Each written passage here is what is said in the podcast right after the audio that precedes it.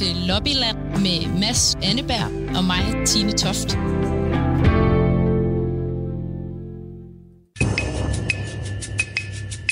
Det er jo helt vildt mange penge. Det er EU-regler, der er afgørende. Og så øh, skyder han dem i panden, ikke også? og så stikker vi dem bagefter. Det, det er altid en legendarisk forhandling i EU-sammenhæng, og der, der slås man virkelig Ja, velkommen til Lobbyland her på Radio 4. Øh, vi øh, er jo et program, hvor vi prøver at få mere øh, ud af EU og tjekker, hvad der sker derude. Øhm, og øh, jeg har ikke rigtig Mads med i studiet i dag, fordi Mads Anneberg er med i Bruxelles, øh, hvor han gerne skulle sidde øh, et helt specifikt sted. Øh, så jeg er lige ved at prøve at se, om vi har forbindelse til Mads. Det tror jeg helt bestemt. Øh, kan du høre mig, Tine? Ja, det kan Hvor øh, er det, du okay. sidder nede i Bruxelles, Mads? Jamen, som du siger, så er det jo et, øh, et helt specifikt sted. Altså, jeg sidder på Pernille Weiss' kontor, altså det konservative øh, medlem af Europaparlamentet. Og øh, hvad skal man sige, her har jeg fået lov til at sende fra i dag, øh, og det betyder så samtidig, at jeg ligesom har smidt Pernille Weiss ud, øh, så jeg har arbejdsro selvfølgelig. Men, øh, men hun kommer ind lidt senere i, øh, i programmet her, hvor vi skal, hvor vi skal tale med hende. Øh, og lidt grunden til, at jeg sidder her, Tine, det var fordi, jeg ved ikke, om du kan huske, for en, for en måned siden, der sendte vi her fra Bruxelles øh, begge to, hvor Pernille Weiss pralede sådan med at have det her flot udsmykkede kontor. Ja. Jeg er også meget spændt på at høre, hvordan der ser ud. Ja, vi har jo virkelig vi gerne ville faktatjekke øh, det her i, i, i et stykke tid nu, ikke? Øh, og nu sidder jeg her simpelthen og er klar til at, til at beskrive. Øh, jeg sidder faktisk, øh, nu, nu sagde jeg, at Pernille Weiss ikke er her, det er hun faktisk en lille smule, for jeg sidder og drikker kaffe af en Pernille Weiss kop øh, med sådan en lille, lille bitte Pernille Weiss på, øh, på siden her. Øh, og så ved jeg ikke, hvad jeg ellers skal berette. Altså, der er enormt god udsigt. Hun har virkelig scoret sig et af de, et af de flotte kontorer. Den der kop, altså er det en Pernille Weiss, en konservativ Pernille Weiss i hele figur, eller er det bare hendes ansigt? Øh, det er sådan ansigt plus, altså, du ved, man har, ja, der er ikke, der er ikke hele figur på. Øh, okay. Det kan man ikke sige, der er. Og så, ja, altså, men generelt ikke, altså, må, må jeg lige, øh, hvad hedder det, fordi det sidste parlamentskontor, jeg har været på, det var jo så hos ham her, Brexit Henrik, oh, ja. øh, fra The Brexit Party, og det var jo, de var sådan nogle typer, der bare var her i syv måneder, og skulle forlade det igen, og det vil sige, at han havde et rimelig kedeligt kontor. Og på den måde, så vinder Pernille Weiss altså 100%. Altså, hun har ja. trods alt fået, fået pyntet fint op. Der er nogle, nogle flag og nogle blomster og nogle puder. Okay, vi vender også tilbage øh, til det, fordi vi jo har ret mange gode ting med øh, i dag. Og en af dem handler jo om øh, altså den konservative Pernille Weiss, øh, fordi hun har skrevet et øh, debatindlæg, hvor hun har sagt, at Mette Frederiksen skal finde sin indre polak frem, fordi polakkerne er gudsbenåede hestehandlere.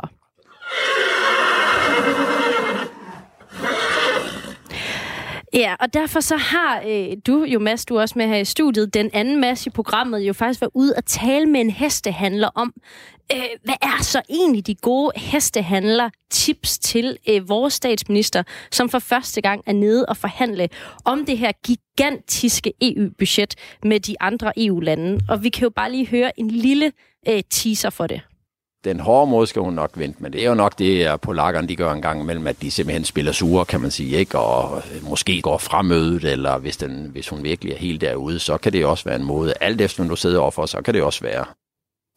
Ja, øh, det kan du altså høre lidt senere her i programmet. Øhm, og vi vil faktisk meget gerne høre øh, fra dig derude, hvis du selv har et godt forhandlingstip til Mette Frederiksen, og de benhårde forhandlinger, der foregår om det store EU-budget lige nu.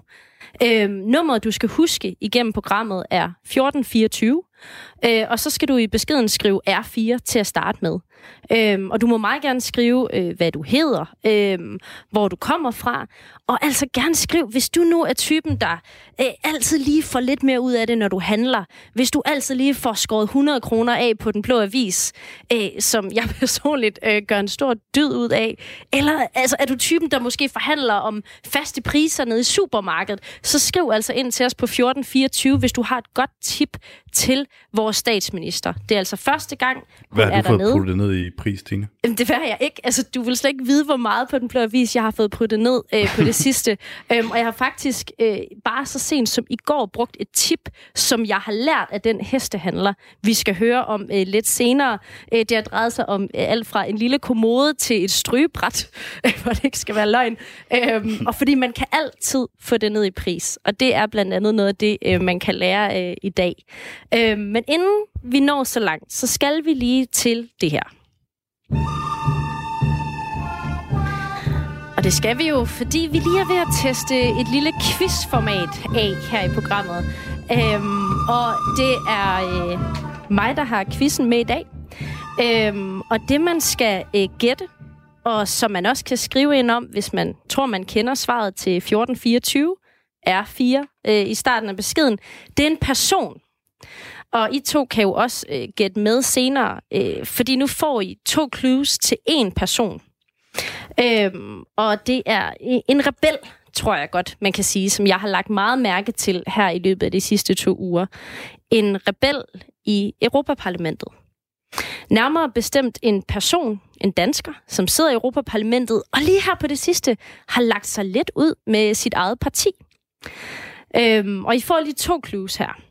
Øhm, fordi øh, i den her uge, så har vedkommende faktisk valgt at gå imod sit eget parti her i Danmark, fordi partiet øh, har simpelthen stemt for, at Mette Frederiksen skal nedlægge øh, veto, øh, hvis ikke budgettet, altså det der forhandles om, det bliver fastholdt der, hvor det er. Men har vedkommende gået imod sit eget parti i Folketinget og har sagt, jamen hvis der skal være flere penge til grænsekontrol og klima, så er der brug for flere penge.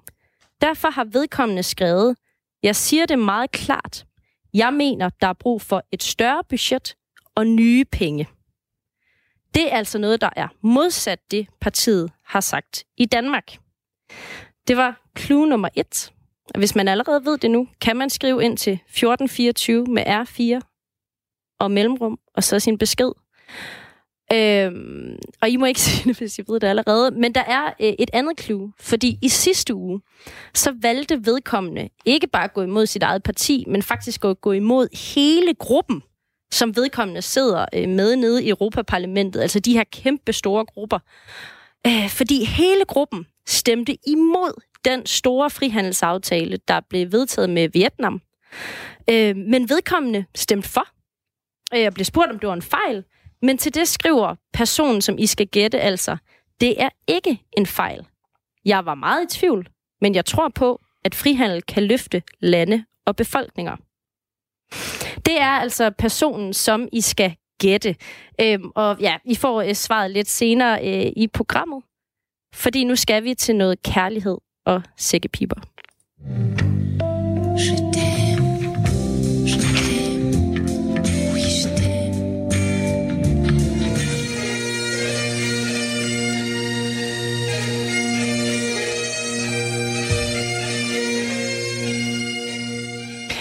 Ja, øhm, og det skal vi jo, fordi der er sket noget helt særligt øh, for os her i programmet. Øhm, fordi i fredags, der var det Valentine's Day, og der var kærlighed i luften over øh, hele verden, men ikke mindst i øh, Skotland, hvor man øh, i avisen The National kunne læse, at Danes make Valentine's Day proposal to Scots.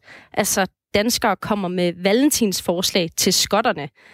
Øhm, og det var jo øh, også øh, her på øh, Lobbyland, der havde skrevet et debatindlæg til avisen, øh, hvor vi inviterede, altså inviterede de her øh, Brexit-udmattede skotter til at blive en del af Skandinavien. Øhm, og det har vi jo talt lidt om øh, her på programmet, at vi synes kunne være, øh, kunne være en god idé, så vi skrev simpelthen det her debatindlæg. Og jeg tror godt, jeg kan sige, at, at vi måske ikke lige regnede med, at det ville blive optaget, men øh, det blev det. Og øh, det har så også siden affødt altså adskillige avisartikler og delinger og kommentarer fra øh, skotter. Også øh, skotske politikere. En af dem taler vi med her øh, om lidt. Øhm, men det her debatindlæg er jo noget, vi har arbejdet på i et stykke tid. Fordi vi mener, øh, at det kunne være en stor fordel for Skandinavien, hvis skotterne jo bare kom og blev en del af, af det fællesskab, vi har. Øhm, og før vi går videre, så får du lige en lille del af det debatindlæg, som altså er blevet øh, bragt i øh, den skotske avis, og det er læst op af Claus Elgård, som er vært på sportsprogrammet Fremkaldt her på kanalen. Making Scotland part of Scandinavia would be mutually beneficial. We know a thing or two about wind power, and you guys obviously have a lot to teach us when it comes to whiskey. We can also throw in some Scandinavian designs, bad jokes, bacon, Lurpak, and Lego. Of course, we apologize for the whole Viking thing, but on the upside, it means that we already have a lot in common. So, dear Scotland, even though life seems tough right now, just remember there is still a life after Brexit. Just join Scandinavia. Dearest from Mads Anneberg and Tine Toft, hosts of the program Lobbyland on the Danish Public Radio 4. Ja, det var altså en lille snip af det her debatindlæg, som, øh, som meget romantisk øh, var i øh, den skotske avis i fredags. Øhm, og hvis du vil læse resten, så kan du bare gå ind på Radio 4's hjemmeside. Øhm, og vi vil meget gerne høre fra dig derude, øhm, hvis du tror, at øh, sækkepiber og whisky kunne gøre Skandinavien til et federe sted. Altså, synes du, det er en god idé det, vi har gang i her, og prøve at få Skotland med i Skandinavien. Skriv ind til 1424 øh, R4 først i beskeden. Øhm, og så skal vi bare lige sige særligt tak til Mette Søltoft Bailey og hendes mand Duncan Bailey, som har hjulpet os med at lave det her øh, debatindlæg. Øhm, og som sagt, så affødte vores læserblav øh, flere kommentarer, og en af dem øh, var fra Douglas Chapman, som er medlem af det britiske underhus for det skotske nationalparti SNP. Øhm, og han prøver lige at se, om vi har med på en timeline. Øh, Mr. Chapman? Nå, det ligner nemlig, at han er på. Det kan være, at vi lige skal have, skal have ringet ham op på en telefon. Det er simpelthen fordi, når vi har både øh, Mads med fra Bruxelles, og vi har nogen med på den anden linje, øh, så kan det godt nogle gange være en lille bitte smule besværligt. Øhm, øh, og, ja, Dr. har lige spurgt mig, om det er det samme password, altså Radio 4. det er det samme øh, password. Det tror jeg godt, vi kan sige ja til. Det skal ja, jeg lige til ham. Godt. Øhm, og grunden til, at vi gerne vil øh, tale med øh, Douglas Chapman, så er det fordi, at han skrev til os, Uh, thank you for your kind invitation, which I am sure many Scots would love to take up. On St. Valentine's Day, all I can say is, it's a date. Altså han skrev, øh, mange tak for jeres venlige indbydelse, som jeg er sikker på, mange skotter vil elske at tage imod. Øh, alt jeg kan sige her på Valentinsdag er, at det er øh, en date. Øhm, og det er altså ham, vi skal tale med nu her, fordi vi simpelthen bare gerne vil spørge, hvordan vores forslag er blevet modtaget øh, i radioen. Øhm, og indtil vi har ham på, så kan jeg jo bare lige afsløre, at øh, der har været ret mange kommentarer bare på Facebook-siden, hvor rigtig mange, måske ikke overraskende, også er positive, fordi det er en, øh, en uafhængighedsavis, det er blevet trygt i. Øhm, og det er jo simpelthen fordi, at rigtig mange skotter føler ikke, at de har haft et reelt valg om, om de vil være øh, selvstændige, fordi dengang de stemte sidst om selvstændighed, øh, jamen så, øh, så var det jo bare sådan, at der var Storbritannien stadig en del af EU, og derfor er der mange, der føler, at de ikke har fået valget. Øh, men Mads, du er jo så i dialog med ham, ikke? Øh, med Douglas, fordi jeg er lidt spændt på, om vi får ham igennem på en timeline. Det vil jeg meget hellere have en telefon. Jamen, det tror jeg da helt sikkert, vi gør. Altså, øh, nu, jeg ser lige, om ikke, øh, om ikke han er på, på vej igennem her. Okay. Øh, Douglas Chapman, som jo, ja, som du siger, er medlem af det skotske nationalparti, og som sidder i det britiske underhus, altså i, i Westminster i, øh, i, i London her, som var faldet over vores, øh, vores indlæg. Øh, ellers så må vi jo ringe ham op på en telefon. I det tror fald. jeg også, vi er ved at prøve her. Øh, så, du, så du den kommentar, Tine? Øh, der var en, der skrev, You had me at Lurpak. Øh, ja, præcis. Jamen, det er jo fordi, øh, en del af det, vi har skrevet, øh, det er jo simpelthen, at, øh, at det er Lego, lurpak og alt muligt andet, vi lokker med. Ja, bacon selvfølgelig. Præcis. Øh, Douglas Chapman, can you hear me? I can, yes. Hello. Thank you so much okay? for being Hi, in Douglas. our program. Hi. It's, it's, it's a pleasure. Okay, it's a huge pleasure for us as well. Um, we just told that you're one of the people who responded uh, to our letter. Um, how was this proposal received in Scotland? uh, very, very positively. Uh, I would say first of all, and uh, you know, it, it's uh, it's uh, in this age where there's a lot of social media that's not always positive.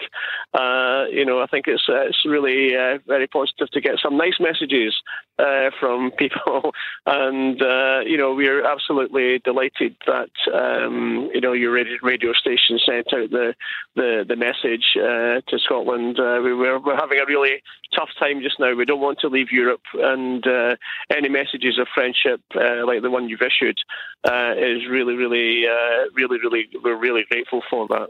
Okay, uh, Mr. Chap, I'm just going to translate for our Danish listeners. Øhm, det, okay. som øh, Douglas Chapman siger her, det er, øh, jeg spurgte ham, hvordan er det her blevet taget imod i Skotland? Altså øh, vores appel til, at de skal tilslutte sig Skandinavien. Og han siger, at det er blevet taget meget positivt imod, øh, særligt fordi de har det lidt hårdt for tiden. Så alle, der ligesom rækker deres hånd frem, øh, bliver taget positivt imod. Øh, så han siger altså, at, at det er faldet på et tørt sted, den her øh, Valentine's Day update.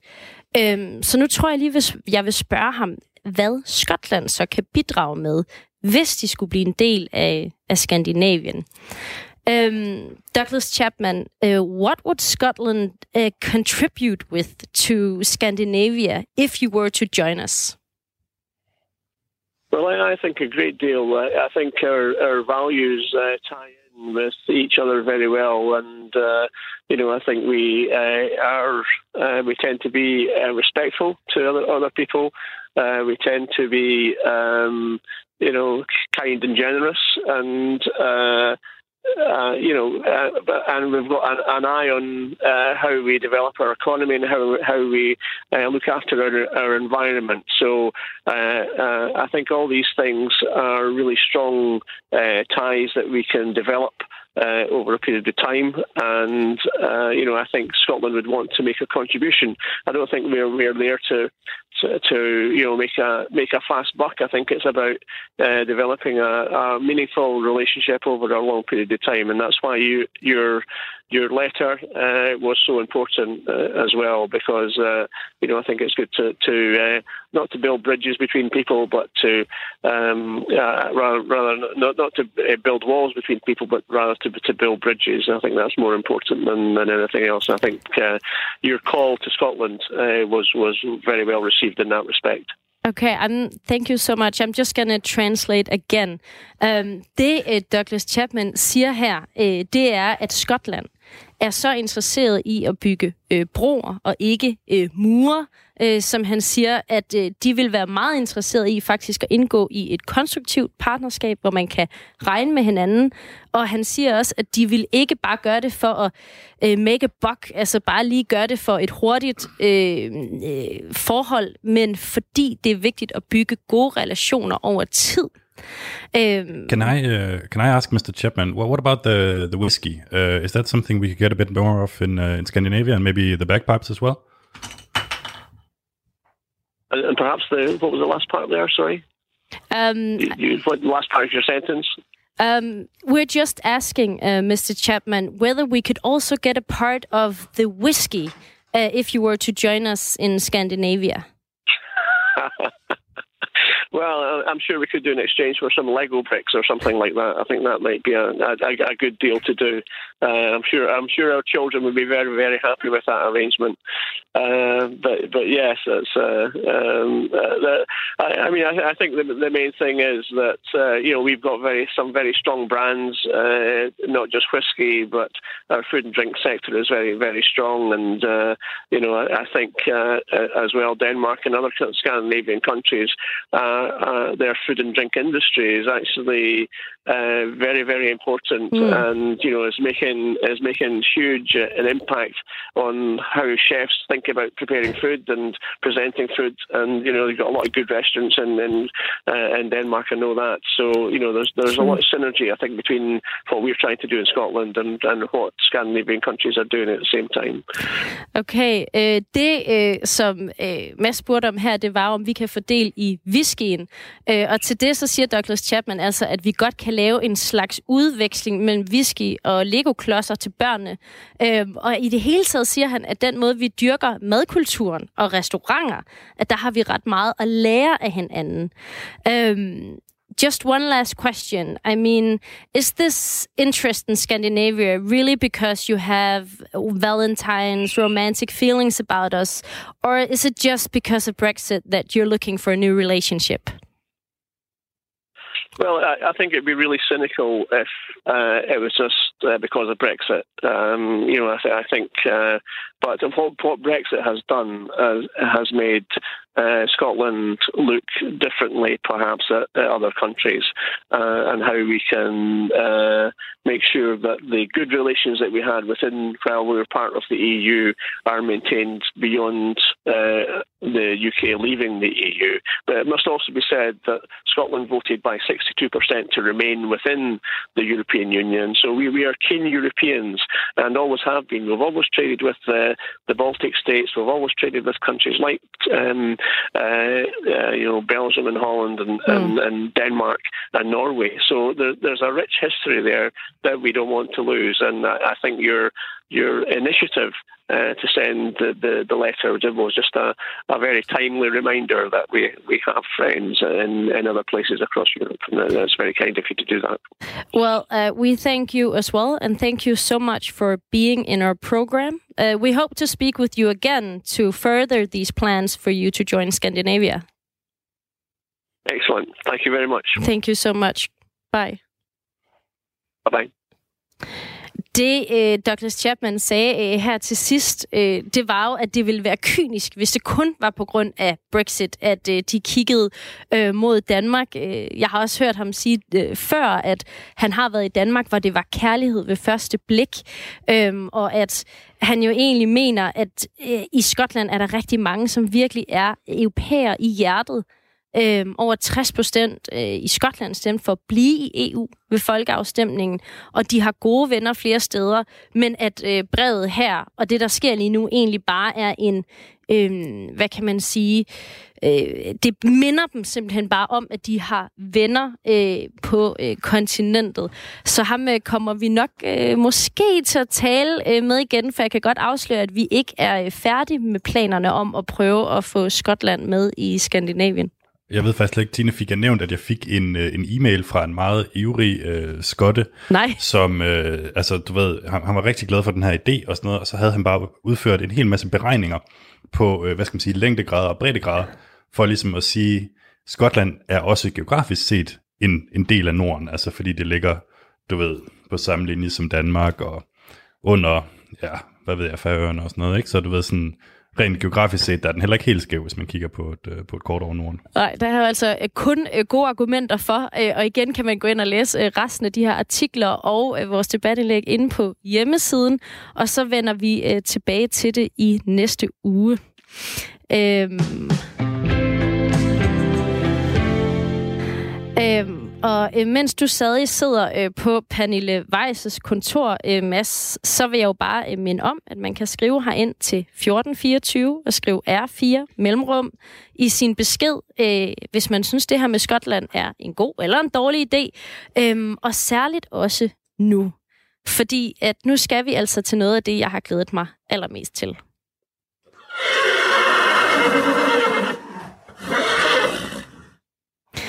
Øhm, og øh, det her, det er en hest. Øhm, og det er det, fordi at øh, i sidste uge, øh, så begyndte vi her på programmet at lægge mærke til et debatindlæg øh, med overskriften Mette Frederiksen skal finde sin indre polak frem. Øh, og det er skrevet af den konservative politiker øh, Pernille Weiss, som vi skal tale med lidt senere. Fordi hun mener, at Mette Frederiksen øh, skal lade sig inspirere af Polen i de benhårde budgetforhandlinger, som foregår lige nu med resten af øh, EU-landene.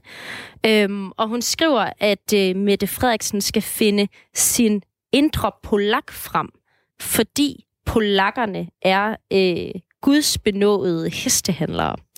Og det er øh, jo et meget højaktuelt råd, Mads, altså for det foregår jo lige nu. Ja, jeg skulle lige til at sige, udover at alt, der har med hester at gøre, er selvfølgelig altid højaktuelt øh, for, for dig, Tine. Altid.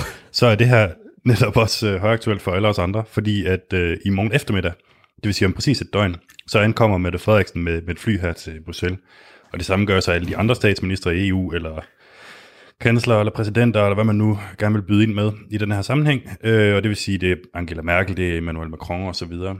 Øh, og så skal de sådan set bare sidde her i et, du ved, endnu udefineret stykke tid, øh, i en bygning her i byen, og slås om, hvor mange penge EU skal bruge de kommende syv år. Og de er jo vanvittigt uenige øh, på forhånd. Mm. Der ligger sådan et kompromisforslag på bordet, som lægger op til, at der skal bruges det, der hedder 1,07 procent af BNI, øh, men hvor Danmark og en lille gruppe af andre sparelande vil bruge mindre, øh, kun 1,00. Og det behøver man ikke hæfte så meget ved, men det betyder bare, at for hver gang Danmark vil bruge 100 kroner på EU, så er der nogen, der gerne vil bruge mere end det, og kompromiset, det hedder så 107 kroner lige nu. Mm. Øh, men det lyder ikke så meget, men, men det bliver jo så rimelig mange penge i, i sidste ende.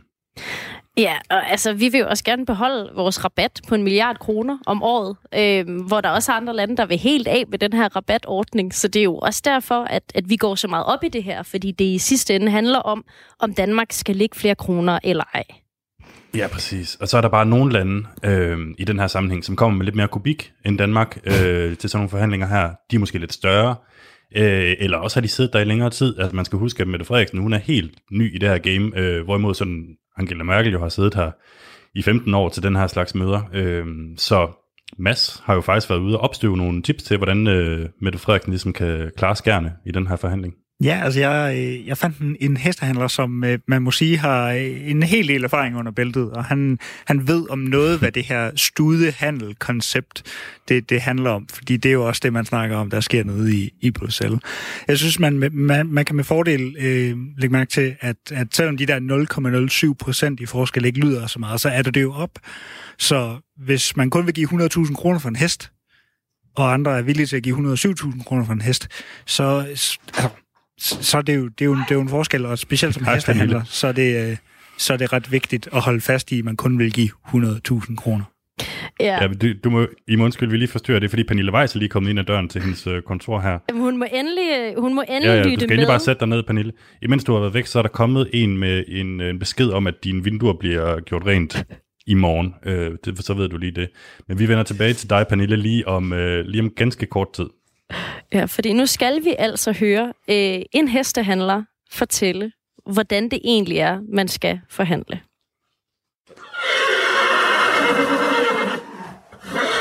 Medlem af Europaparlamentet, Pernille Weiss, har bedt Mette Frederiksen om at finde sin indre polak frem, da polakkerne er gudsbenåede hestehandlere. Vi har forsøgt at finde en polsk hestehandler, men det har vist sig sværere end som så. Til gengæld så har vi fundet en fynsk hestehandler. Han hedder Hans Jørgen Høg. Han må om nogen vide, hvad Mette Frederiksen skal gøre, når hun skal forhandle budget nede i Bruxelles. Hej, Mads. Hans Jørgen. Hyggeligt at møde dig. Øhm, Hans Jørgen, øh, så fortæl mig, hvor lang tid er det, at du har, øh, du har arbejdet og, og handlet med heste? Åh, oh, det har jeg egentlig gjort hele livet, men vi har været selvstændige her i 23 år, hvor vi har været her på ejendommen. Hvor mange, hvor mange heste vil du sige, at du, du har solgt i løbet af de, de 23 år? Åh, oh, hvad har vi solgt? Det, ja, det skal nok regnes lidt mere på det, men det er, det er, vi er oppe i nogle tusinder, ja, det er vi det. Hvis du skulle give øh, Mette Frederiksen et godt tip til, hvordan man sådan krejler sig ud af en situation, hvordan, øh, hvordan skulle det så lyde? Ja, jamen, man kan altid nå at slå handlen af, jeg tror, så man skal passe på, at man ikke er forhastet jo. Er, altså, det er aldrig for sent at afslutte handlen, kan man sige, så at give sig tid er jo er et godt bud på det. Og så er det jo vigtigt at vide, hvad for, hvilket produkt hun har, og altså, det er vigtigt, at hun selv tror på det jo.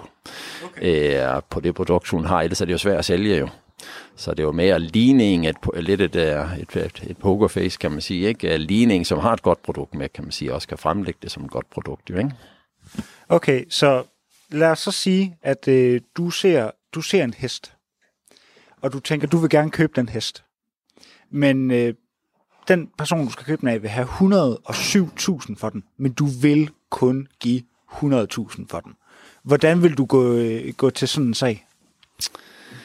Øh, hvis jeg virkelig gerne vil købe den, jamen, så skal man bruge sin snille, kan man sige, øh, og trække. Man skal også lige vurdere, om det er chance for, at den ikke bliver Så Der er jo mange, siger, altså mig, der overvejer sådan en situation, ikke? Om, øh, om det er chance for, at den ryger et andet sted hen, sådan, sådan var, eller om, altså, hvis du vil have den, så, så skal du overveje, om du bare vil slå til, og ellers så skal du selvfølgelig uh, sætte dig ned. Det er altid godt lige at sætte sig ned ved et kaffebord eller noget. Altså, rum er altid godt, og uh, charme kan også være. Det kan være, hun skal bruge sin charme. Hun er en charmerende dame, du, så uh, find charmen frem, vil jeg nok sige. så, så dit tip, det er, at hun lige trækker dem lidt til side, og så lige drøfter over noget kaffe, noget småkager måske? Ja, udmærket idé, ja. ja. Det, hun skal ikke flirte med dem, men alligevel et lille smil, det er, vil jo klæde hende. Ja. Den hårde måde skal hun nok vente, men det er meget godt lige at bruge uh, charmen i starten, tror jeg. Men hvad, hvad, hvad er den hårde måde så? Hvis, du, hvis, hvis snillen ikke virker, og du skal have den, have den hårde måde, hvad er det? Jamen, så må hun jo, og det er jo nok det, polakkerne de gør en gang imellem, at de simpelthen spiller sure, kan man sige, ikke? og øh, måske tager hjem, du ved, for at komme igen, eller land går fra mødet, eller hvis, den, hvis hun virkelig er helt derude, så kan det også være en måde, alt efter når du sidder overfor, så kan det også være en måde at, at gøre det på. Så de, de gamle hestehandler her, de kunne jo, øh, der kunne vi jo køre, altså han kunne jo sidde inde i bilen, øh, hvor man løb efter bilen ned ad vejen og handle, imens at han var på vej ud af indkørslen og bakket lidt, og hvis man så selv gik, så bakket han tilbage, og på den måde der, ikke? Så ja, hvis det før i tiden virkelig var hestehandel, så var det sådan noget med, at man gik ud af en af bilen, og så var han kørt, og så var han alligevel ikke, og, og på den måde der, ja.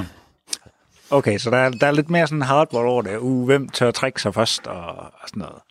Ja, det er helt sikkert. Ja. Nu er det jo mere privat, vi handler med nu, og det bliver noget andet. Så man, det er jo, hvem man sidder overfor. Ikke? De, de gamle heste, de kører lige den der. Det var jo, det var spil. Det var derfor, at øh, der, der skulle det jo være sådan med håndslag. Jo, ikke? Ja. Man skal også, at man ikke trækker så langt, så de bare er grin af, at hun er kommet med noget, som de slet ikke kan bruge til noget. Så man skal jo... hun må... Ja, jeg tror, charme og snille du, og jeg har tænkt så godt om, ja. ja. Men lad os så sige, at hun har, øh, hun har nogle allierede, som også de kigger på samme hest, og de synes alle sammen, den skal kun koste 100.000. Er det noget, hun kan bruge til noget i sådan i en heste, hesteforhandling her?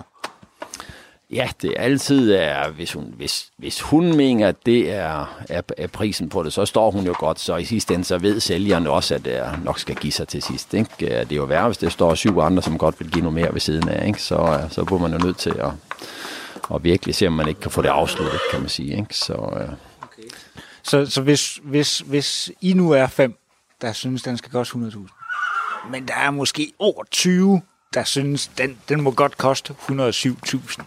Hvordan, hvordan vil du gå til sådan en sag?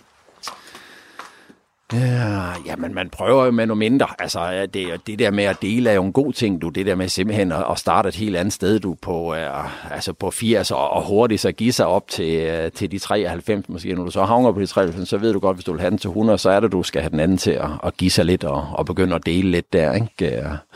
Dernede er, så du der er på 105 og 95, og så lige pludselig forhåbentlig jeg rammer omkring de 100, kan man sige, ikke? Så den der med at, at dele der med, nu laver man nok ikke håndslag dernede, men uh, en god handel med at give sig lidt. Ja. Der skal to til en handel jo, så ja. man skal føle, at den ene giver lidt, og den anden giver lidt, ja. Okay, det var virkelig mange øh, hestehandlerråd, øh, der, kom, øh, der kom her øh, fra øh, den fynske hestehandler, som du har været over og øh, besøge, Mads. Øhm, og jeg er faktisk inde på hans, øh, hans egen hjemmeside her, fordi det er jo dansk varmblodshest, han selv sælger. Og det er altså heste fra mellem 100 til 150.000 eller 150 til 250.000, så der er rimelig meget spænd i det, han også selv lægger op. Ja, ja. ja men, altså, men der er jo ingen tvivl om, at det her det er en mand, der virkelig taler af erfaring, og han ved også, hvad, hvad polakkerne også, også kommer mm. af. Det, man ligesom kan, kan bide mærke i, det er, at han siger, det er godt at have allieret, og Danmark har jo faktisk nogle allierede i hele det her budgetforhandling. Ja, vi har de få andre lande, øh, som sammen med os mener, at budgettet skal blive præcis, hvor det er. Lige præcis. Øh, men der er jo mange andre lande, der er imod os. Lige præcis. Og det, det er lidt svært, fordi han siger, øh, man, man skyder lidt under. Og det, det kan Mette Frederiksen jo ikke helt. Men der, mm. der havde han alligevel også lige noget at, at knytte, øh, knytte til det. Fordi hun har lidt lagt ud med at sige øh, 100. Hun, hun kan ikke sige 80. Du mener, hun har allerede sat sig selv i en dårlig situation, fordi at hun ikke øh, allerede er, har startet ud med 80? det kommer an på, nogen vil jo ikke handle, men altså, det kommer an på, hvad hun står overfor, men hvis det skal være en handel, så, øh, så har man jo sat sig dårligt, kan man sige. Ikke? Men øh, en gang imellem, så er det har vi også her, altså, nu vi snakker hesthandel her, så er det jo ikke sådan mere nu til dags. Altså, ikke, ikke så meget i hvert fald, men 20 år tilbage var det jo meget af det, kan man sige. Ikke? Øh, nu til dags har vi også rigtig mange hest, hvor, hvor det er prisen, hvor vi forlanger, og så er det priser, der er egentlig ikke så meget, og ja, så kan man handle lidt, det er jo igen lidt, du siger en studiehandel, så kommer lidt udstyr med i handel, eller man handler lige de sidste udgifter, inden en hest den kan stå opstallet en, en periode mere i prisen og sådan noget. Det er sådan noget, det gør, at man, man glatter handlen af til sidst, kan man sige. Ikke? Ja. Er det dit indtryk, at polakkerne er gode, øh, er gode til sådan noget? Ja, jeg tror, de er nok lidt mere gamle. De er nok lige uh, lidt mere hen i den gamle hestehandlerstil, ikke? hvor det er lidt mere hårde, uh, min, hvor det er lidt mere hårde forhandlinger med, at de, at de lidt mere bruger... Jeg tror ikke, de er så charmerende. Jeg tror mere, at de bruger den der hårde med, at så forlader de lokalet og, og kører hjem, du og spiller sure og for lejen, ikke? Og der skal vi jo passe på, at vi ikke øh, tænker, at jamen, så, så giver vi os, for vi har jo råd til at give os. Øh, og der må en gammel må de også, øh, må de også mærke, at de må komme tilbage til forhandlingsbordet. Så, så, så Mette Frederiksen skal ikke nødvendigvis finde sin, sin indre polske hestehandler frem. Det kunne godt være, at hun skulle finde sin indre fynske hestehandler frem. I sidste ende, så tror man skal være den person, man er. Ja, det er, det, det er jo der, man, er. man kører. Hvis man vil ud og spille noget andet, så er det ikke sikkert, man kan spille den færdig, så hun skal jo, øh, det er jo en grund til, at hun er blevet statsminister, det er hende, der skal ned og forhandle for os, så øh, hun skal nok bare gøre det, hun er, hun er bedst til at være sig selv. Hun skal nemlig bare gøre det, som hun er bedst til, som er at være sig selv. Øhm. Det var simpelthen øh, tips og tricks her mm-hmm. fra øh, den fynske hestehandler til Mette Frederiksen, fordi det jo er første gang, at hun vrider arm med de andre i EU-forhandlingen. Og hvis du lige har stået på derude og tænker, hvorfor er det, jeg lige nu hører på en hestehandler, så er det jo fordi, at øh, den konservative EU-politiker Pernille Weiss har opfordret vores statsminister til at finde sin indre polske hestehandler frem i de hårde EU-forhandlinger. Øhm, og vi har faktisk også prøvet at finde øh, en polsk hestehandler. Det, det var ikke helt muligt, men øh, vi fandt til gengæld øh, en øh, polak i Danmark, der taler dansk. Øh, det er Roman Smigielski. Han bor på Lolland, og så er han faktisk øh, pensioneret revisor, så han ved et og andet. Øh, han har arbejdet i Rigsrevisionen, og her er altså, hvad han siger til det her. Altså opfordringen om, at Mette Frederiksen skal finde sin indre polak frem, fordi polakkerne er gudsbenåede hestehandlere. Tror du, polakkerne de er bedre til at forhandle end danskerne? Der er flere eksempler på det, at det er. Men okay, altså, de har også, øh, når, når vi snakker om EU, øh, de har også øh, lidt, øh, lidt flere folk og, og større land øh, øh valgsag, sådan set, ikke? Som forhandlingsposition. Øh, altså, når, når, når de snakker om for eksempel 38 millioner mennesker, ikke? Så, er det, så er det marked for sig selv. Ikke? Så, så, så det er klart, at, at det, det er bedre til at forhandle. Nå, men, men når du nu mener, at polakkerne er, øh, hvad skal man sige, bedre til at forhandle end, end danskerne, kunne du så ikke øh, give et godt øh, råd øh, eller tip til Mette Frederiksen, når nu hun skal ned og, og forhandle øh, EU-budgettet her? Jamen, man skal ligesom øh, øh, for, øh, forberede det hele hjemmefra. Og så holde fast man skal ikke tro, at man er exit, men, men næsten. Men næsten. Og man skal, okay, man skal, man skal måske øh, være klar over, at når man forhandler med, med fremmede, øh, og, og, og fremmede, det, det er altså hele EU, øh, så, så skal man øh, huske, at det er en anden måde, man skal forhandle, som man ville forhandle i Danmark. Fordi øh, folk vil forsøge i godse øjne snyde, snyde ind. Ja, det var altså øh, så øh, altså, det polske take på det her. Altså en mand, der mener, at Pernille Weiss måske har misforstået det en lille smule. Æh, der er ikke så mange øh, hestehandlere tilbage i, i Polen. Øhm, og øh, det kan da godt være, at Polen er bedre til at forhandle, fordi det simpelthen er et større land. Og vi har set eksempler på, at Polen har været stadig. Øh, men hvis man basically øh, skal tage et råd, så er det, øh, at man også skal være klar over, at dem, man forhandler med, altså dem, Mette Frederiksen skal lægge arm med, det er ikke nødvendigvis øh, nogen, der forhandler på samme måde, som man er vant til i Danmark. Øh, det sagde altså øh, Roman Smigielski. Øhm, og jeg tror, øh, at vi dermed kan sige, at vi jo nu stiller tilbage til Bruxelles, Øh, og mens vi gør det, øh, så øh, vil vi jo stadig gerne høre fra dig derude. Sidder du og synes, du har et bedre råd til Mette Frederiksen? Øh, ved du, hvordan man forhandler en hård handel på plads? Øh, er du selv god på den blå avis, når det handler om lige at få skåret noget af prisen, så vil vi meget gerne høre fra dig. Altså fordi, som øh, Mads Anneberg øh, sagde, så er det jo nu, Mette Frederiksen flyver til Bruxelles for at forhandle på øh, Danmarks vegne, så vi ikke skal med flere penge. Og du kan altså skrive ind til 1424, og husk at skrive R4 først i beskeden. Øhm, og med det kan vi stille tilbage til Bruxelles. Ja, det kan vi i hvert fald. Øhm, jeg tror, Pernille, gider du sætte dig her om ved siden af mig? Fordi så kan vi nemlig også høre, hvad, hvad, hvad du siger. Altså, jeg sidder jo her sammen med Pernille Weiss på Pernille Weiss' kontor øh, stadigvæk. Og altså, grunden til, øh, vi overhovedet nogensinde har talt om dit kontor i det her program, øh, Pernille Weiss, det var faktisk på grund af de øh, Dannebrogsflag, som øh, manglede på din øh, plads i plenarsalen. De er til gengæld her, jeg kan i hvert fald tælle to. Det er også rigtigt. Altså, vi har lige hørt øh, fra en øh, polak i, i Danmark, at det her med, at polakkerne ligesom er gudsbenåede hestehandlere, mm. det er måske ikke helt en tidsvarende, øh, hvad skal man sige, opfattelse. Har du, øh, har du ligesom noget belæg for det, eller hvor, hvad, hvad mener du med, at de er det? Jamen, så hvis man ser den her øh, rigtig gode dokumentar, der hedder Få bag øh, linjerne, øh, fra perioden, hvor der blev forhandlet øh, optagelse af de øh, østeuropæiske lande herunder Polen, så er det jo meget tydeligt, at Polen, både på grund af sin størrelse, men, men også øh, med den forhandlingstaktik, øh, de har eller havde på det tidspunkt, og det men, synes jeg sådan set stadigvæk, jeg kan mærke, at mine polske kollegaer her i parlamentet har, at, at at der skal handles, når, når der skal gøres noget, der kræver en indsats, så skal der også noget tilbage. Og det er jo faktisk et rigtig sundt princip, at, øh, at når man indgår aftaler med andre, så skal det være en win-win. Og de er meget optaget af, hvad de selv vinder ud af en, øh, af en aftale. Øh, på samme måde har man jo også indimellem lavet nogle karikaturer, også danskere, at vi er sådan lidt øh, selvoptaget, sådan lidt som om vi er de bedste. Og nu har vi sagt en gang, hvorfor vi er de bedste, og det ved I da godt, det kan I da godt huske.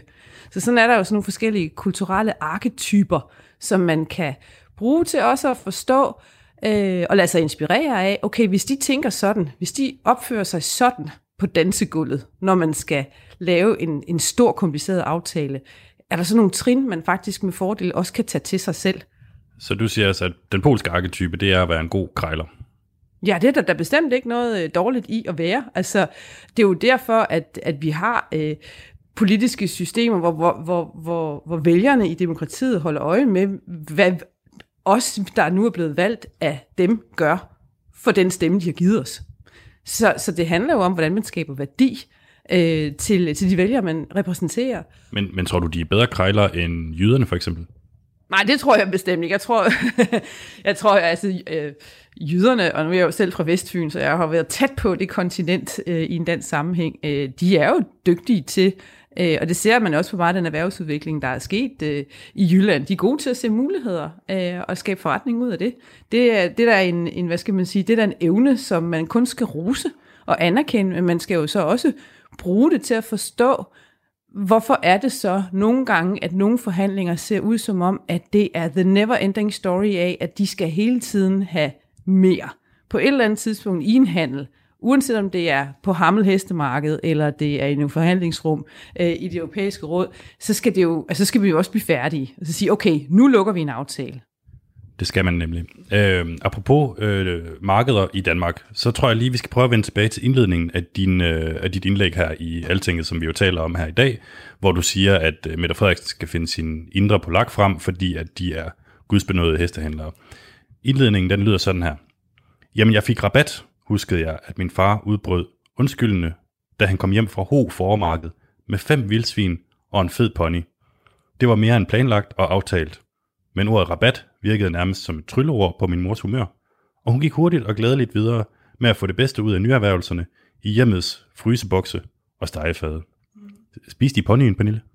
Nej, det gjorde vi ikke. Vi havde rigtig meget sjov med den. Øh, eller sjov og sjov, det vil sige, den nappede faktisk efter os børn, og så var det sådan en, en pony, som meget hurtigt også blev den her udbryderkonge blandt øh, hesteflokken, fordi den med sin fede røv rent du sagt bakkede ind i indhegningen og lagde det ned øh, og satte sig på det, så de andre heste de kunne øh, gå ud af indhegningen.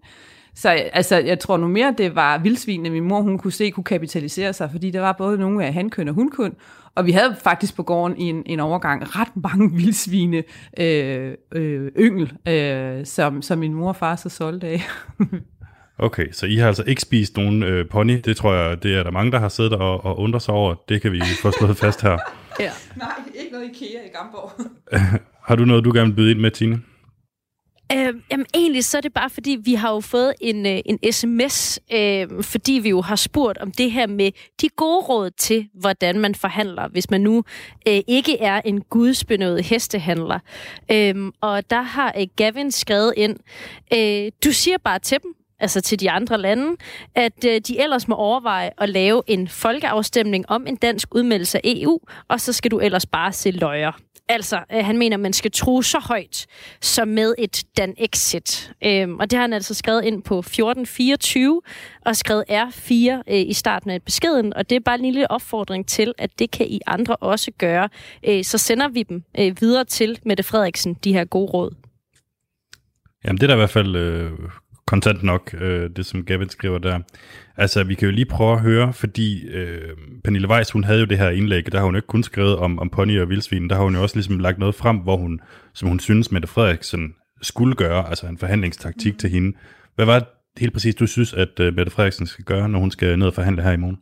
Men jeg synes, hun skal være meget, meget opmærksom på, at øh, når nu der er så mange andre lande i øh, EU, som gerne vil have budgettet til at stige, at når vi så er øh, i Danmark i den lille mindretalsgruppe, som ikke vil det, hvis vi så skal lande en aftale, hvor man, vi, vi måske bliver nødt til at æde nogle dele af en, en, en budgetaftale, som vi ikke så godt kan lide. Hvad i den kan vi så i særlig grad godt lide, fordi vi fik det igennem, fordi vi var lidt polske i vores, øh, vores forhandlingstaktik. Og der peger jeg på det her med, hvordan kunne vi lave nogle, nogle frizoner, øh, for dansk erhvervsliv, for danske forskere, hvor de kan få lov til at være i spidsen øh, af jetjægeren i forhold til den grønne omstilling.